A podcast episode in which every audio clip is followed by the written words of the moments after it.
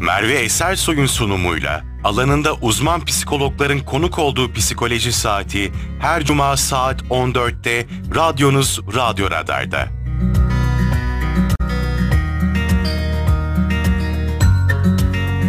Merve Esersoy'un hazırlayıp sunduğu psikoloji saati başlıyor.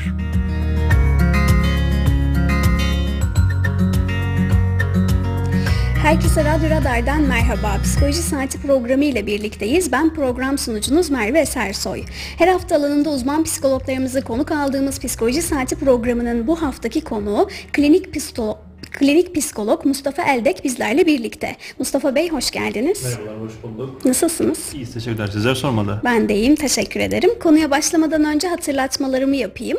Bizi 91.8 Radyo Radar frekansından e, dinleyebilir. Radyo Radar, Kayser Radar Instagram hesabından canlı izleyebilirsiniz.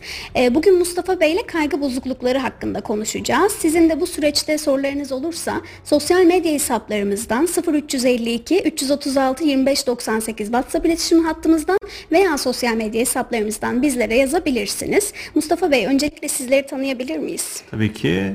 Öncelikle davetiniz, davetiniz için de çok çok teşekkür ederim ve buradan da bütün öğretmenlerin Öğretmenler Günü'nde kutlamak isterim öncelikle. Ee, klinik psikolog Mustafa ile Karadeniz Teknik Üniversitesi'nde psikoloji okumaya başlamıştık Trabzon'da. Sonrasında Naci Yazgan'a geçtik. Ee, orada lisans eğitimimizi tamamladıktan sonra tam burslu bölümcüsü olaraktan İstanbul Geçim Üniversitesi'nde yüksek lisansımızı kazandık ve orada da tezli olaraktan klinik psikoloji ana bilim dalında yüksek lisansımızı tamamladık. Şimdi de doktor olaraktan yavaş yavaş böyle basamaklar var planlamamızda. Ee, tamamen yetişkin odaklı ve ergen grup odaklı çalışmaktayım. Buna dair eğitimler aldık. Buna dair süpervizyonlarımız oldu. Ve şimdi de e, TMS Klinik bünyesinde aktif olaraktan danışan görmekteyiz. Hem yüz yüze hem online şekilde. E, daha çok yurt dışından da danışanlarımız oluyor. E, bu şekilde bir çalışma temposunun içindeyiz diyelim. Kolaylıklar diliyorum. Çok Başarılarınız devam olsun inşallah. E, kaygı bozuklukları toplumda oldukça yaygın görünüyor. Hı hı. E, benim yaptığım araştırmaya göre dünya genelinde yetişkinlerde yaklaşık e, yüzde 3.6'sı. E, Türkiye'de ise bu oran yüzde 5 olarak evet. geçiyormuş. E, bu insanlar aslında bir şekilde insan olarak kaygı duyuyoruz. Kesinlikle. Sürekli kaygı yaşıyoruz ama bunların Hı-hı. hastalık olduğu süreçler de var. Ee, bu yüzden dinleyen ve izleyenlerimizi aydınlatmak için Hı-hı. kaygı nedir diye başlamak Tabii istiyorum. Ki. Şimdi kaygı direkt bir kelime anlamına baktığımızda tehlike veya tehdit olarak algılanan durumlarda ortaya çıkan duygusal, davranışsal ve fiziksel değişikliklere tümüne biz kaygı diyebiliriz. Şimdi kaygı bizim için e, aslında olumlu ve gayet doğal bir duygudur. Kaygı çünkü insanı harekete geçiren bir duygudur. İşte yarın diyelim ki sınavımız var. Biz bu kaygıdan dolayı ders çalışırız, planlar yaparız, projeler yaparız. Kaygı bizi harekete geçirir. Ama bir kaygı bozukluğu diyebilmemiz için burada bir anksiyete dediğimiz yani aslında bir bunaltı dediğimiz bir taraf başlıyor. Daha çok kaygı dediğimiz şey nesnesi belli olan bir e, korku halidir, bir endişe halidir. Ama anksiyete veya bunaltı dediğim biraz da korkusu belli olmayan, nesnesi belli olmayan bir tarafa gider. Şimdi e, burada anksiyete bozukluklarına minik bir tanım yapalım. Ee, anksiyete bozukluğu kişinin tehlikede olduğunun büyüktür. Yani kişi tehlike olduğundan büyük, kendisinin tehlikeyle başa çıkma gücünün olduğundan küçük görmesi haline anksiyete bozukluğu deriz. Yani kişi ben bunu yapamam, başaramam gibi kalıplarla ya şunlar olursa ya bunlar olursa deyip farkında olmadan geriye gitme haline biz anksiyete bozukluğu diyebiliriz ve bu anksiyete bozukluğu diyebilmemiz için de tabii çeşitli kriterlerimiz var, çeşitli zaman e, sürelerimiz var. Bunları yavaş yavaş ileriki dakikalarda açacağız ama kişinin günlük hayatına doğrudan etki halinde bulunur. Bu kaygı bozukluğu dediğimiz taraflar başlar. Şimdi burada birkaç tane daha tanımlama yapmamız lazım. Çünkü kaygı bozukluğu diyebilmemiz için, bu aradaki döngüyü anlayabilmemiz için mesela bizim olmazsa olmaz duygularımızdan biri insana ait olan duygulardan biri utançtır. Şimdi utanç dediğimiz şey e, baktığımızda ben nasıl biriyim sorusunun cevabıdır. Acı verici bir duygudur. Utanç kelimesinin e, aslında yok olmaktır kelime anlamı. Şimdi anksiyete bozukluklarında utanç dediğimiz şey mesela sosyal fobide çok çok görebiliriz. Utanmak kendini kişi geriye çeker. Şimdi utanmanın yanına bir de öbür uca şunu koymamız lazım. Suç ve suçluluk gibi kavramlar da koymamız lazım. Suç ve suçluluk dediğimizde çocukluktan beri aldığımız ahlaki yasaların günümüze uyarlanmasıdır. Burada da nasıl bir anksiyete tarafı çıkabilir? Ya şöyle olursa, ya böyle olursa, ya ayıp olursa, ya günah olursa Ya şöyle olursa? Ya annem babam beni eleştirirse? Şimdi bunlar günden güne yayılması bizim anksiyete bozuklukları dediğimiz tarafa doğru minik minik götürür. Burada gene şöyle bir parantez açmamız lazım. Şimdi Freudian açıdan bakmamız lazım. Freudian açı bize şunu söyler. Üç basamak düşünün. Böyle üç kablo bir parça düşünün. Alt tarafa it dediğimiz bir özne koyabiliriz. It şudur aslında e, biyolojik süreçlerle ilgili olan dürtüsellikleri içerir. Burada daha çok agresyon ve cinsellik dediğimiz taraflar gelebilir. Bu daha çok dürtüselliğin bir getiridir. Bir üstüne benlik koyarız. Benlik dediğimiz kavramda e, bizim şu anki günlük hayatımızdaki halimiz. Ama bunun da bir üstü süperego dediğimiz bir kavram çıkar. Süperego'da el alem ne der? Çevre ne der? Şimdi anksiyete bu aradaki o it ve süperegonun sıkıştırdığı benlik halidir. El alem ne der tarafı var ama bir yandan dürtüselliğim var. E arada ben gidip geliyorum, sıkışıyorum farkındaysak. E bir müddet sonra bu kalp çarpıntısıdır, yani fizyolojik belirtiler Yani gibi gibi. olumsuz etkiliyor bizi. Tabii ki günlük hayatta kişinin işlevselliğini bozmasını sağlayan muhteşem bir faktördür. Evet. Peki kaygının kontrolden çıktığını nasıl anlarız? Şimdi burada şöyle bir bakmamız lazım. Ee, şimdi kaygı dediğimiz şey günlük hayatta olumlu etkileri vardır dedik daha yine. Bizi harekete geçirir. Ama bir de kaygı yani endişe dediğin şeyin olumsuz tarafı. Yani bizde ne zaman bir alarm seviyesine getirir. Bir, performansı gerçekten azaltıyorsa. Yani günlük hayatta benim bir işi yapmamdaki kaliteyi, konsantre, konsantrasyon bozukluklarıdır. Yani odağımı düşürüyorsa bu kaygı bozuklukları safhasına girmesini sağlayan bir faktördür. İkincisi problem çözme becerimizde, karar vermede zorluk, yaşama halimiz bizde bu kaygı bozukluğunun göstergelerinden biridir. Üçüncü basamak uyku bozukluklardır. Bu kaygıdan dolayı bizim uyuyamadığımız, plan yapamadığımız veya bilişsel prova dediğimiz kişi yarını düşünür mesela. Acaba ne diyecek? Ben ne yapacağım? Sürekli bir bilişsel prova etme hali vardır. Şimdi bunların sık sık görülmesi bir kaygı tarafının gene bize göstergesidir.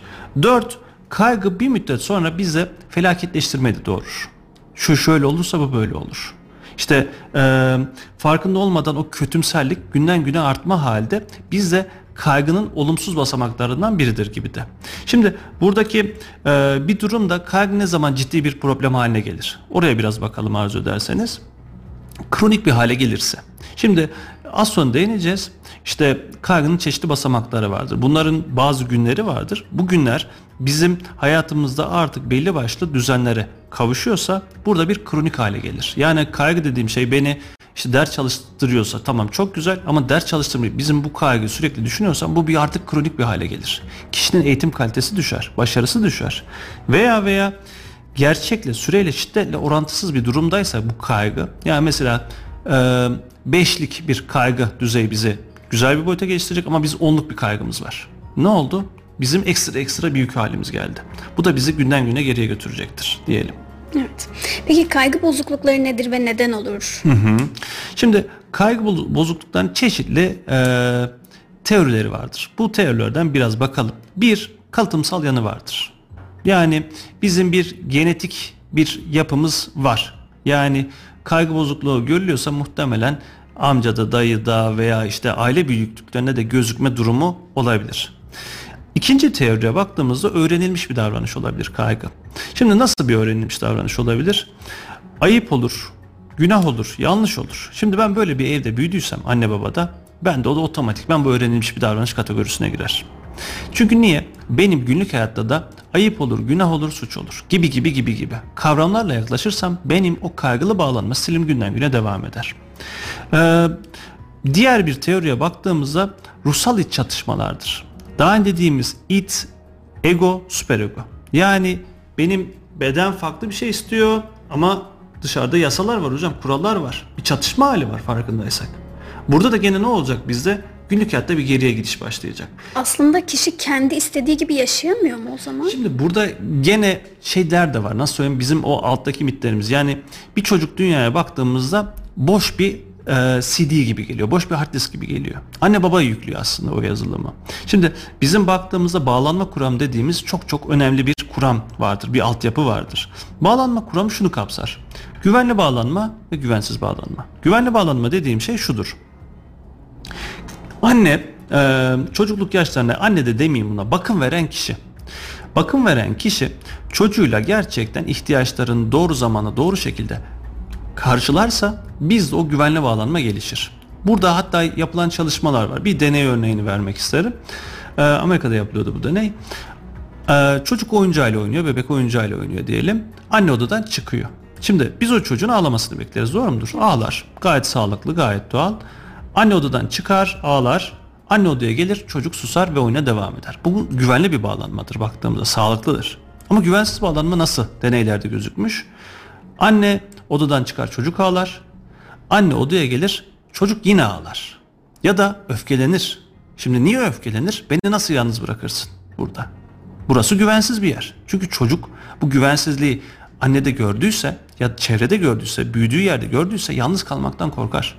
Ki evet e, ben direkt çocuk gruplarıyla ilgilenmiyorum ama mesela çocuklarda bizim gördüğümüz en çok anksiyete bozukluklardan biri ayrılma kaygısıdır. İlkokul, anaokul. Niye? Çocuk orada tam bir benliğini oluşturamadığı için gitmek istemiyor, ayrılmak istemiyor anneden. Anne ne yapıyor? Orada tüm gün boyunca çocuğu bekliyor. Aman ağlamasın hocam yanında olayım, şöyle olayım, böyle olayım.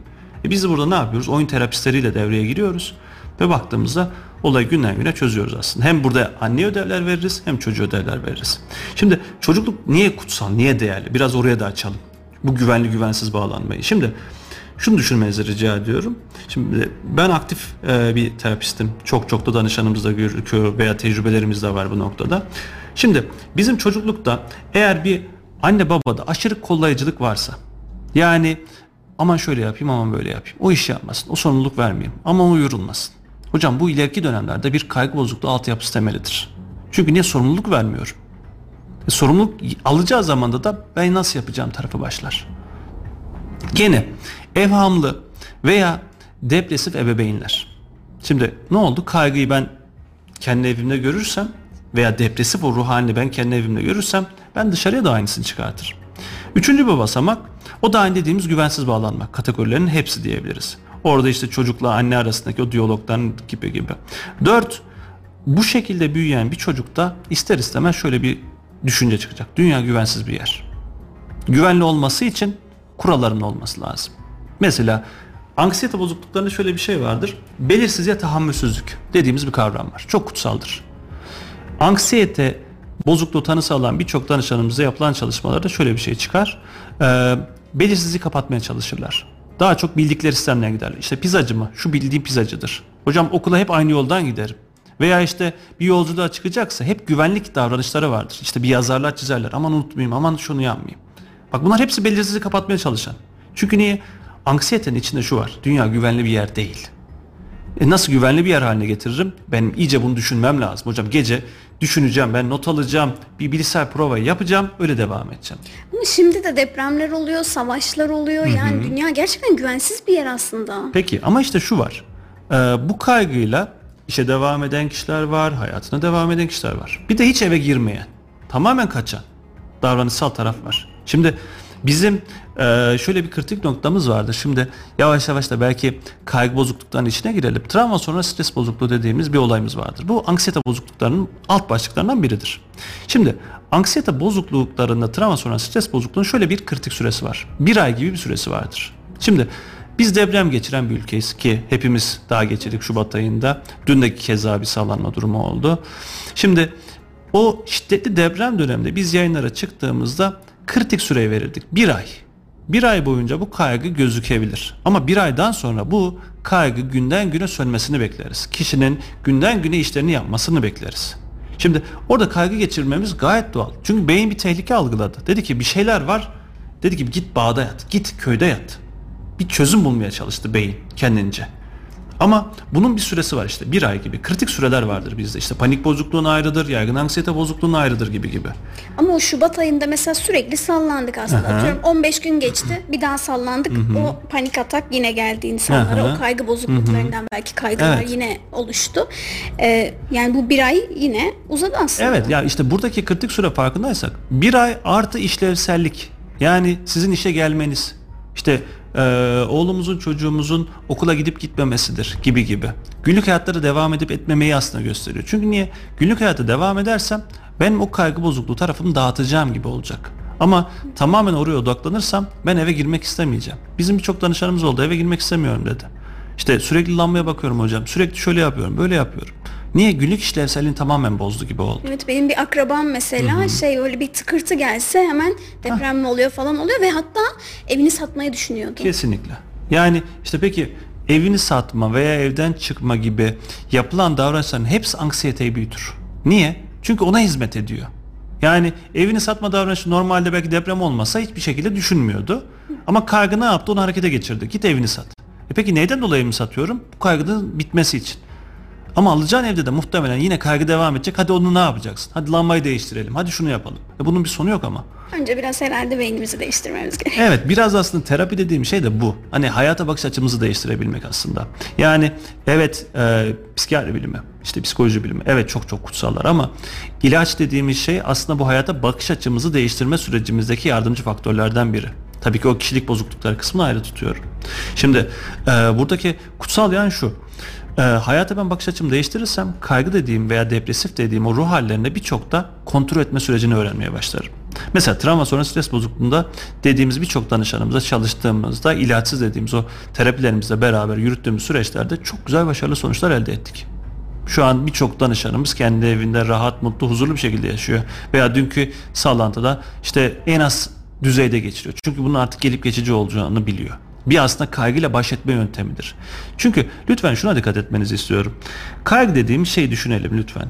Şimdi kaygının üretken yanına bakalım. Dedik ki eyleme geçirir. Ama üretken olmayan kaygı dediğimiz şey eyleme geçirmez. Sürekli onu düşündürür.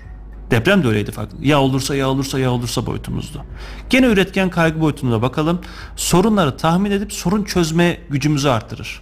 Ama üretken olmayan kaygı dediğimiz şey daha çok konsantrasyon bozukluğuna sebep verir. Ne yapacağım, ne edeceğim, ne yapacağım, ne edeceğim. Sürekli bir çevreden bir destek alma boyutudur. Veya gene üretken olan tarafa bakalım. Hedefe yöneliktir. Amacı yöneliktir. Bak çözüm becerisini direkt sağlamasam da hedefi yani o çözüm becerisi için bir düşünürüm. Orayı bir ararım, kurcalarım. Sen ne yapıyorsun derim Merve. Bu başletme nasıl geçti derim bak. Kaygı beni harekete geçiriyor. Sen de gelip konuşurum. Ama üretken olmayan kısım tamamen sonuçsuzdur. Kendi kendine düşünür. Bizim ondan dolayı hani bu kaygıyı güzel bir şekilde ayırt etmemiz lazım. Peki biraz arzu ederseniz yavaş yavaş kaygının o altyapılarına da girebiliriz eğer isterseniz. Yani e, çeşitlerine de girebiliriz. Anksiyete kimlerde görülür Hı-hı. diye sorayım. Şimdi anksiyete herkeste görülebilir. Yani görülme sıklığı da %10 gibi bir yani %3 ile %8 arasında değişmekte. Ama şöyle söyleyeyim kadınlarda daha fazla gözükmekte. Yani erkekte bir ise kadında iki gözükme durumu daha yaygındır. Ve burada ister istemez bu kaygı dediğimiz taraf hani e, işte ayrılma kaygısı dediğimiz kısımda çocuklukta başlayıp ileriki yaşlara kadar devam ediyor. Çünkü kaygı bozukluğu dediğimiz o kadar çok başlığı var ki içeride.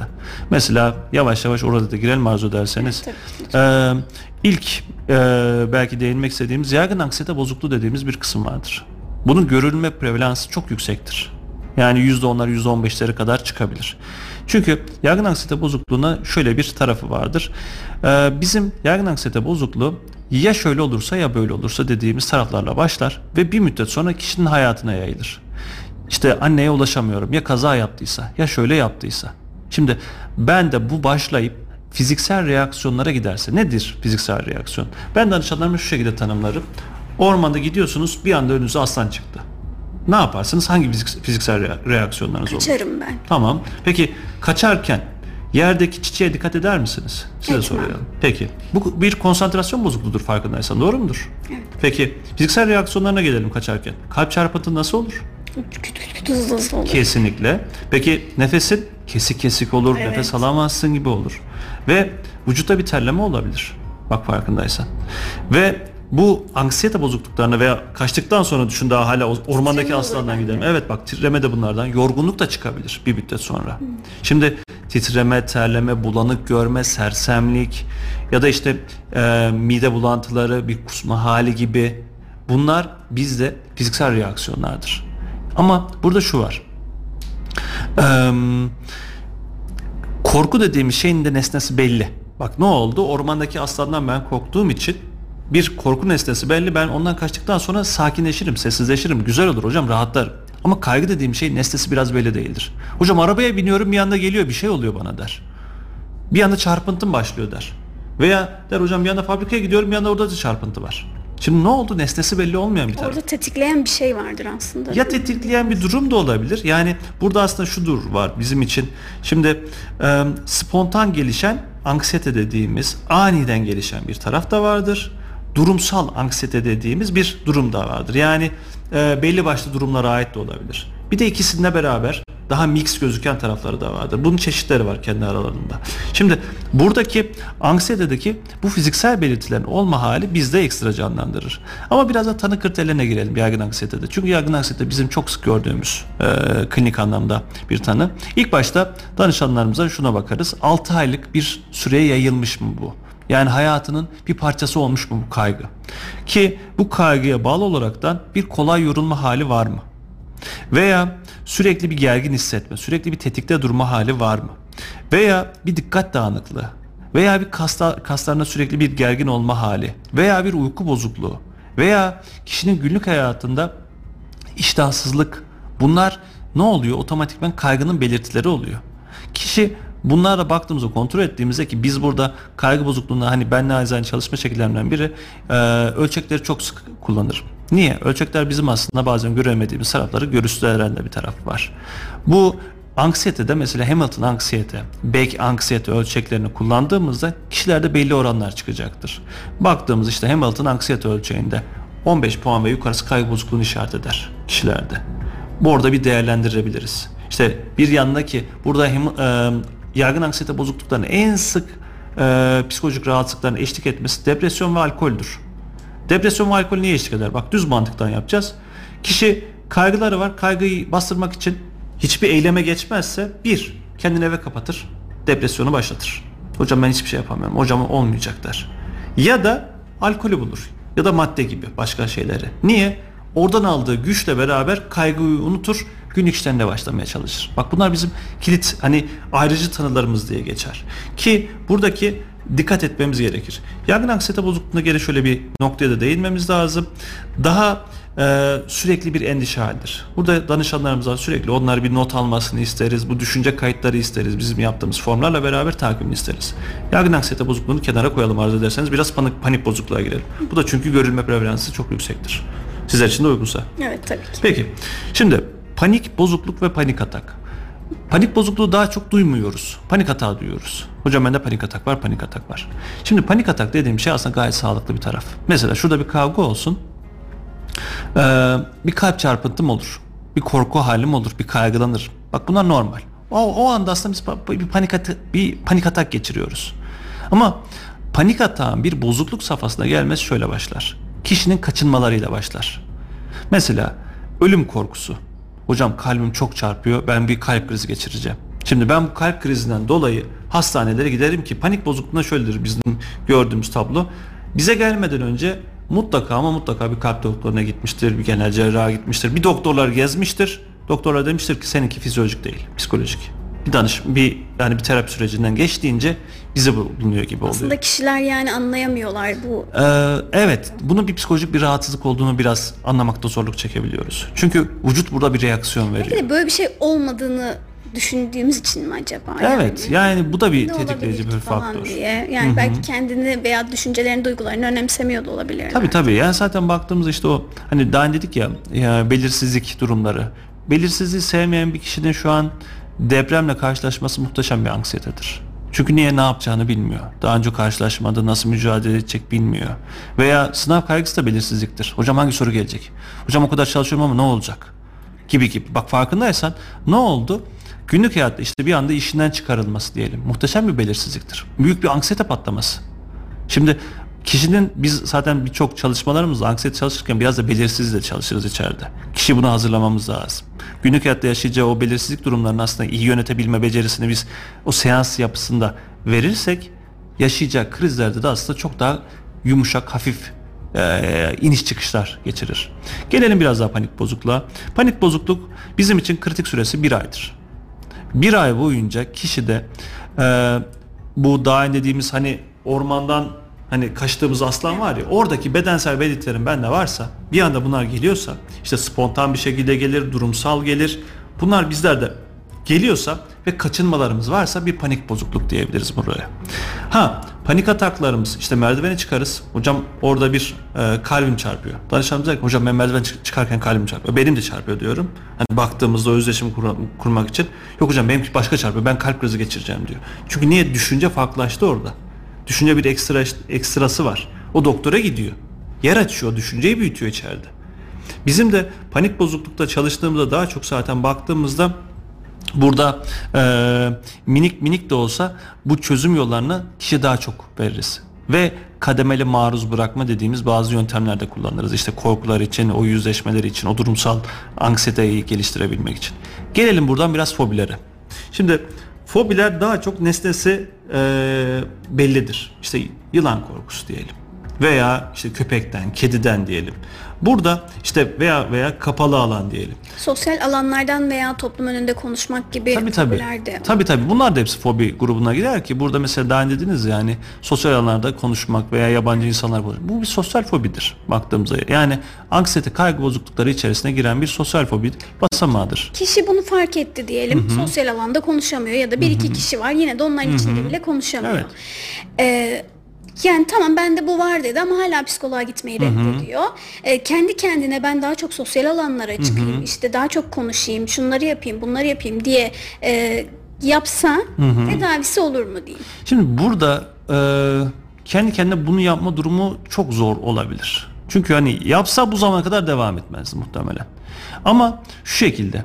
Şimdi terapistler eşliğinde sosyal fobi çalıştığımızda ilk önce biz düşünceyi çalışırız. Bu düşünce ne zaman oluşmuş? Altyapısı ne? Yani neden acaba böyle bir e, kaygıdan dolayı güvenlik davranışları geliştirir? Mesela sosyal fobili danışanlarımızda şöyle ortak yanlar vardır. İşte kalabalığın kalabalık bir ortamda kenarda durmayı seçer. Ya da konuşuyorsa daha kısık sesle konuşmaya çalışır. Dikkat çekmemeye çalışır. Veya göz temasından kaçınır. Kendinden daha az şey belli eder. Daha çok hocam sorduğumu söylerler, söylerim modudur orada. Şimdi bu kaçınma boyutları ne zaman oluşmuş? Neye hizmet etmiş? Bizim için bu kritik süreler çok çok önemli. Çünkü bu alttaki yapıdaki düşünceye sen dokunmazsan kişi der ki hocam günlük hayatta ben bunları yapmasam kendimi güvende hissetmiyorum der. Bir müddet sonra bu e, yaptığı davranışlar otomatikleşir. Kalabalığa girdi mi hemen en köşeye kaçmaya çalışır. Bir ortamda daha sessizleşmeye çalışır. Şimdi bizim orada biraz düşünceyi danışana vurgulamamız lazım. Çünkü bizim şöyle düşünün lütfen. Ee, bir günde 40 ee, bin ila 80 bin tane düşünce geliştiriyoruz. Yapılan çalışmalar onu söylüyor bize. 16 saat ayakta duran bir kişi 40 bin ila 80 bin düşünce geliştiriyor. 40 bini 80 bini bizim yönetmemiz imkansız. Ki düşünce dediğim şeyi biz yönetemiyoruz. Onu yönetemediğimiz gibi bizde otomatik düşünceler çıkar. Şimdi bu sosyal fobide de ne çıkıyor? Sen yapamazsın. Sen konuşma en iyisi kenarda dur. Şimdi ben içerideki sese kulak verdikçe sosyal fobi büyüyecektir. Ha bunu ne yapabiliriz sosyal fobide? Bizim e, tabii ki uyguladığımız bazı tekniklerimiz vardır. Hani böyle daha tersine dediğimiz davranışlardır veya e, bu otomatik düşünce ölçeklerimizde uyguladığımız bazı tedavi basamakları var. Şimdi biz bunları minik minik danışana zamanı geldikçe verdiğimiz ödevlerle beraber uygularsak orada bir kırılma döngüsü yaşar. Ama onun harici ya hadi ben şunu yapayım veya internetten hocam ben şunu okudum hadi yapayım ama yapamadım. Belki tersi bir etki yapacak yani bunu Tabii bilemez ki, ki aslında Tabii. her zaman yani, bir uzmana ihtiyaç e, var. Bir minik destekte yarar var. Yani çünkü zaten şey sosyal fobide danışanlarımızla biraz da e, kliniğe gelmesi de zor olabiliyor. Yani bir tavsiye veya işte böyle bir aracıyla gelmesi çok daha yüksek olabiliyor. Çünkü bir başvuru yapmak da onlar için zor bir hamle gibi oluyor. Ama yaptıktan sonra hocam iyi ki gelmişim dedikleri taraf başlıyor. Ya hastanın kabullenmesi Hı-hı. de bu konuda aslında çok önemli Hı-hı. değil mi? Yani e, mesela diyelim birinde panik bozukluk var. E, biliyoruz, fark ediyoruz ama kendisi kabul etmiyor. Evet. E, kendisi bu konuda bir şey yapmıyor. Hı-hı. Psikoloğa git dediğimizde veya işte sen hastasın şu ilacı kullan falan gibi yani Hı-hı. telkinler bir şeyler verdiğimizde e, bu kişinin anksiyetesi daha mı kötü olur? Ee, burada şöyle bir şey olabilir. Nasıl söyleyelim? Anksiyete kötü olur, iyi olur demekten öte. Şimdi bize gelen danışanlarımızın birçoğunda kendisiyle gelmesi bizim için muhteşem bir avantajdır. Çünkü neden? O kendine yardım etmek istiyorsa ben ona yardım edebilirim aslında. Bizim verdiğimiz ödevler, planlamalar, o düşünceyi biraz da içe açması. Ee, mesela e, minik de olsa bugünkü seanslarından bir minik örnek verelim. OKB.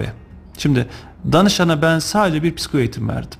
Bak sadece bir psiko eğitim. Bunların bir düşünce olduğunu, yapmadığı zaman veya işte buradaki altyapıyı biraz konuştuğumuzda 2-3 seansla beraber o kahvede ciddi ilerleme kaydettik. Yani ama onun yerine e, OKB dediğimiz veya panik bozukluk dediğimiz şey biraz bulaşıcıdır da. Kaygı da biraz bulaşıcı zaten özünde. Niye? Biz size duralım siz kaygılısınızdır. Ben de bir müddet sonra kaygılanmaya başlarım. Çünkü sizin felaketleştirme boyutunuz bana geçer. Ya şöyle yani olur mu? gibi tabii şey. ki tabii tabii tabii. Yani baktığınızda şöyle düşünsenize zaten. Kaygı nasıl gelişiyordu? Anne babada kaygı varsa, evham varsa bende de kaygı gelişir. E şimdi anne babadan ben bunu alıyorsam yetişkinlik döneminde de benim işte çalıştığım yerde kaygı varsa bende de kaygı mekanizması başlar bir müddet sonra. Çünkü niye o ortamdayım ve o kaygı yapısı bir müddet sonra benim düşünce yapım haline gelebiliyor. Çünkü ne düşünürsek onu yaşatıyoruz kendine. Aa burada kritik nokta şu. Düşünce dediğimiz o yapıyı görmek lazım. Dışarıdan bir ele almak lazım. Çünkü e, fark etmek zor. Orayı çıkartmak zor, değiştirmek zor. Aa, ne oluyor? Orayı değiştirdikten sonra evet bu değişebiliyormuş.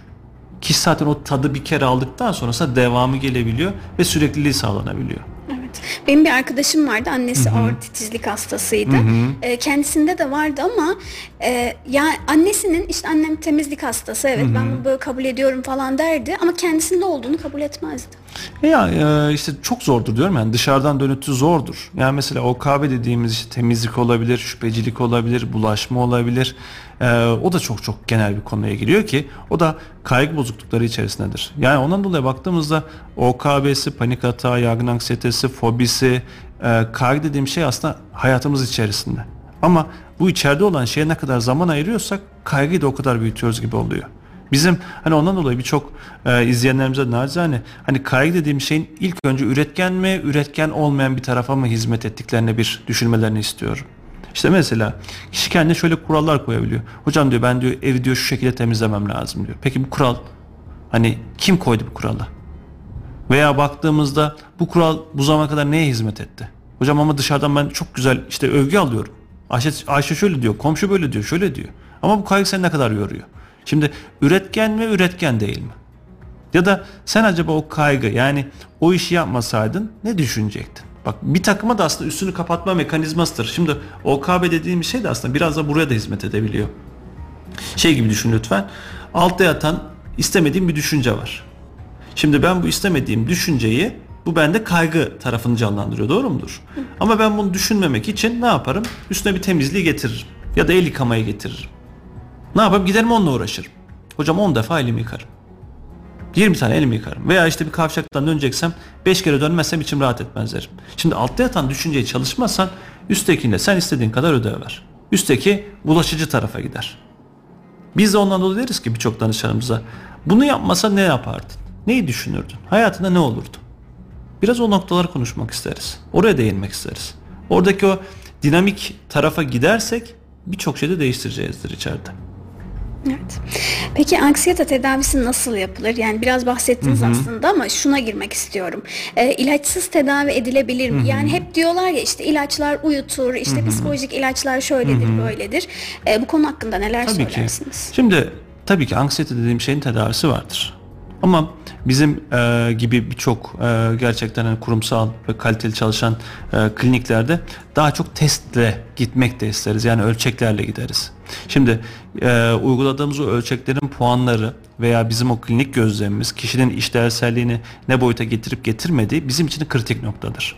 Şimdi orada ciddi yüksek bir kaygının bir işlevsel bozukluk tarafı yüksekse ve yüksek puanlarda eşlik ediyorsa ilaçlı dediğimiz tedavi yöntemlerini ile beraber terapileri yürütmek isteriz. Şimdi ilaçları niye isteriz burada? Bir hormonal denge tarafını isteriz.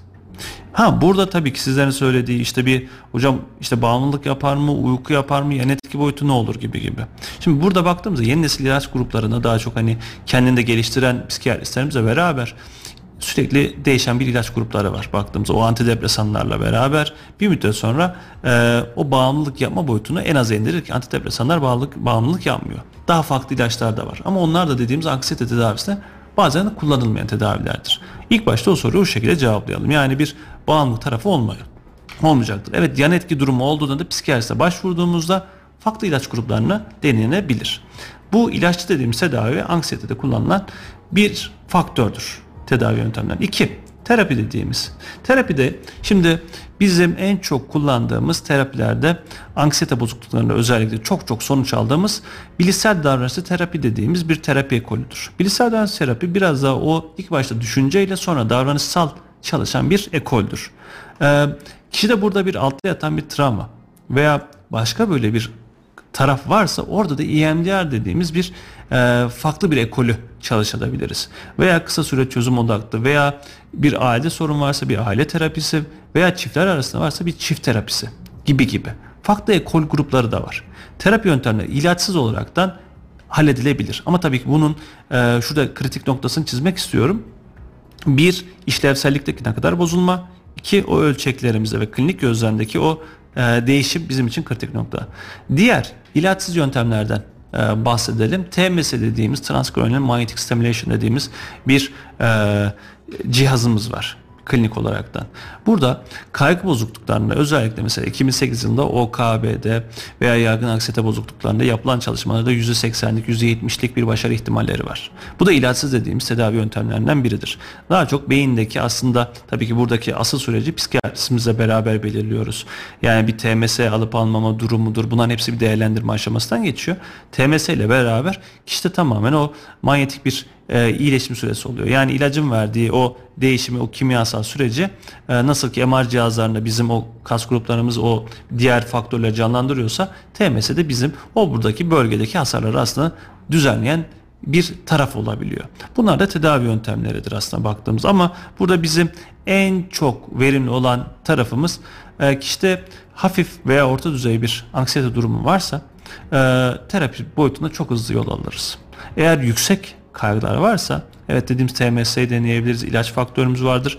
Ama bunların ikisinin yanında terapi dediğimiz boyut o hayata bakış açısını değiştirme boyutumuz ödevlerle olsun minik minik o e, nasıl söyleyeyim ölçeklerdir o formlarla beraber kişinin aslında oradaki bakış açısını değiştirmede muhteşem bir kaynak sağlıyor bize.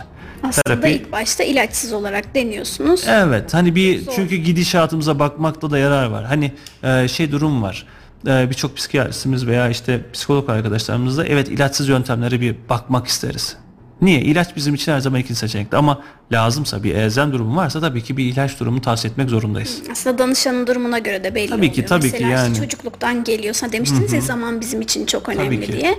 E, çocukluktan geliyorsa büyük ihtimalle. Tabii tabii yani şöyle düşünün lütfen. Yani e, Hocam bende işte 3 aydan beri kaygı var diyor. Şimdi bu 3 aylık kaygıyla çalışmak var. Bir de 20 yıldan beri hocam benim bir kaygı sorunum var diyor. Şimdi ne oldu? Hayatını bir hani merkezine oturtmuş bir kaygı problemi var. Yani evet burada bir terapisel başlangıç yaparız. Buradaki o dinamiklere bakarız. Değişime bakarız, ilerlemeye bakarız. Ama baktık olmadı tabii ki bir hani bir ilaçsal bir faktör de almak bizim için elzem olacaktır. Peki sürekli korku yaşayan, hı hı. E, sürekli bir ölüm haberi alacakmış, bir hı hı. yakınının e, ölümünü duyacakmış gibi yaşayan insanlar için hı hı. ne önerirsiniz? Şimdi burada şu var, e, sürekli bu kaygı yani aslında hocam işte bir telefon çalacak işte ya şöyle olursa ya böyle olsa. Bu dediğimiz kalıp hani sizden bahsettiği örnek yaygın anksiyete bozukluğuna girebilir. İşte hocam bir ambulans sesi duyuyorum bir anda kaygılanabiliyorum. Veya bir anda işte bunlar olabiliyor. Şimdi burada kişi terapi almadan veya destek almadan neler yapılabilir tarafına bakalım. Burada lütfen ama lütfen birçok izleyenimize ben şunu rica edeceğim. İnternet sitelerine girdiğimizde muhteşem bir bilgi kirliliği var. İşte YouTube'da var, anlatanlar var, şunlar var. Daha psikiyatrist ve klinik psikologlardan dinlemelerini rica ederim. Çünkü gerçekten e, psikoloji dediğimiz deniz derya bir konu. Hocam şu vardır. Hocam yorumlarda ben bunu gördüm. Hocam şöyle oldu böyle oldu. Felaketleştirmeyi sağlayan bir taraf başlıyor. Zaten hani işte şöyle bir örnekten gidelim. Hocam acaba anneme ulaşamıyorum. Acaba başına bir şey mi geldi? Şimdi bu düşünceye tamam mı? Aradı anneye ulaştı bir şekilde diyelim ama eve gitti. Ben bunu nasıl yeneceğim? Yorumlarda yazıyor. Ben aradığımda ulaşamamıştı. Anneme şöyle şöyle olmuş. Böyle olmuş. Ne oldu? Felaketleştirme boyutu. Ya da işte bu geçmiyor arkadaşlar diye bir yorum okudu. Geliyor hocam bu geçer mi diye. Şimdi ne oluyor? Burada okudukları, izledikleri, etkilendikleri durum felaketleştirmeyi sağlayan ve bir müddet sonra genelleştirmeyi sağlıyor. Hocam değişmiyor taraf başlıyor. Lütfen ama lütfen daha seçici davransınlar. Daha eğitim almış, kendini bu alanda geliştirmiş kişilerin yorumlarına, söyleşilerine, kitaplarına alsınlar ki ben burada mesela eğitim aldım. Hakan Türkçapar, Profesör Doktor Hakan Türkçapar, işte Mehmet Zihni Sungur, işte bizim kliniğimizde mesela Mustafa Reyhancan veya Şaban Karayaz, Bayram Yıldız, Salim Görkem Meşe. Şimdi buradaki birçok doktorun da internette videoları var. Veya işte bilgilendirmeleri var veya kitapları var diyelim. Daha sağlıklı bilgi sağlıklı kişilerden almalar çok çok önemli. Ee, peki diğer kitaplara baktığımızda hani biblioterapi dediğimiz yani aslında o kitaplardan alınan bilgi kısımlarına baktığımızda mesela şu an güncel nesilde e, Profesör Doktor Hakan Türkçapar'ın mesela bir seri yayınladı. OKB'yi nasıl yenerim? Temizliği nasıl yenebilirim? Veya bu kaygılarımı nasıl kontrol edebilirim? Fark et, düşün, hisset gibi gibiler var. Şimdi burada da kitapsal desteklerle beraber aslında kişi bir takma da destek de alabilir. Ama tabii ki kitapsal destek tabii ki hiçbir zaman terapisel desteği de tutmuyor. Çünkü terapi dediği bir şey daha çok o düşünceleri canlandırıp oradaki alttaki e, dinamiklere bakmamızı sağlayan bir faktör oluyor. Ama tabii ki hani bu da bir sürecin başlangıcı olabilir. Ya bence zaten psikoloji ve psikolojik durumlar Hı-hı. biraz kişisel olabiliyor. Kesinlikle. E, tabii ki uzman görüş her zaman kesinlikle, önemlidir. Kesinlikle. Çünkü hani kitapta da verilen bir örnek belki sizin mantığınıza oturmuyor. Ama işte seans yapısında sizin o yapınıza oturmadı. Hocam bu bende oturmadı deyince farklı örnekler başlıyor. Yani orada da farklı bir süreç başladığı için orası tabii ki daha dinamik, daha tavsiye ettiğimiz bir yerdir ama hani diyoruz ya seans haricinde neler yapılabilir? Bir, güvenli bilgiyi doğru kişilerden almaları. İki, burada kitapsal destekler veya 3 terapisel destekler tarafına başlamak zorundayız. Evet. Programın başında da demiştik Hı-hı. yani hep gelecek kaygısı duyuyoruz, Hı-hı. sınav kaygısı, işte ekonomik maddi olarak hatta bazı gençler de e, yurt dışında yerleşmeyi bile düşünüyorlar. Tabii. Yani artık burada yaşam yok, Hı-hı. dünya felaket Hı-hı. demiştik ya. E, peki bu durumdaki insanlara neler önerirsiniz? Şimdi burada aslında biraz da şeye de bakmak lazım. Hani e, şu an işte o felaketleştirme boyutunun nasıl çözümler arıyorlar? Şimdi kaçmak veya işte hocam gideyim ben. İşte burada hiçbir şey değişmiyor. Neleri denedi? Ne yaptı? Gerçekçi boyutları biraz ele almamız lazım. Ama onun yerine hocam ben gideyim her şey değişecek. İşte hocam e, işte mesela deprem örneğinden gidelim. Hocam ben evi satarsam işte şöyle bir müstakil ev alırsam tamamen kay gidecek. Kay gitmeyecek aslında. Biraz oraya hizmet ettirecek gibi olabiliyor. Şimdi biz onun için daha çok hani şey de vardır bizim için. Mesela bu kaygı oluşumunda belki oraya atladık. Oraya minik de olsa bir geri dönüş yapalım. İdeal benlik ve gerçek benlik dediğimiz bir şey vardır. İdeal benlik aslında olmak istediğimiz karakterdir, kişiliktir bir. Ama şimdiki bir gerçek benlik tarafımız var. Şimdi gerçek benlikle ideal benlik arasındaki fark büyükse depresyon veya işte kaygı bozukluğu veya herhangi bir psikolojik rahatsızlık geçirme durumumuz da fazla. Şimdi ne yapıyorum? Ben burada potansiyelimi canlandıramadım hocam. Yurt dışına canlandırırım. Tamam. E buradaki bütün seçenekleri denedik mi? Ne yaptık? Ne ettik? Sağlıklı ya da yurt dışının daha iyi olacağını nereden biliyor ki orada yaşamadı? Bak cidden hani diyorum ya hani büyük bir soru işareti var. Ama daha çok kolay ne geliyor hocam yurt dışı. Güzeldir hocam ben gideyim mi? Tamam git ama gittikten sonra neler yapacaksın? Ya da gitmek için oraya neler yaptın? Dil öğrendin mi? Şunlar yaptın mı? Bunlar yaptın mı? Yok hocam gidersem iyi olacak. Ben öyle hissediyorum. Şimdi bu öyle hissediyorum dediğimizde o duygusal çıkarsamalara geliyor ki o otomatik düşünce kalıplarımız vardır. İnsanlarda tespit ettiğimiz 12 tane kalıptır. Ee, bu kalıplardan mutlaka örnekler alırız. Bu tarz hani böyle bir kaçma, kaçınma davranışlarının yüksek olduğu durumlarda. Ondan dolayı hani şu an e, o tarzda bir yaklaşımda neler var? Artı eksi kefesi yaparız. Bir kar zarar analizi yaparız. Gittiğimizde neler kazanacağız? Kaldığımızda neler yapabiliriz? İşte kaldığımda neleri denedim, neleri denemedim.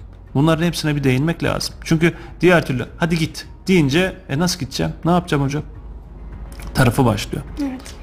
Bir de anksiyete krizi yani bu Hı-hı. panik bozukluk da olabilir. Hı-hı. Yani e, krizler yaşıyor Hı-hı. insanlar. O durumdaki insanlar için e, neler söylersiniz? Şimdi o panik bozuklukta aslında o panik atak tarafı gelişiyor.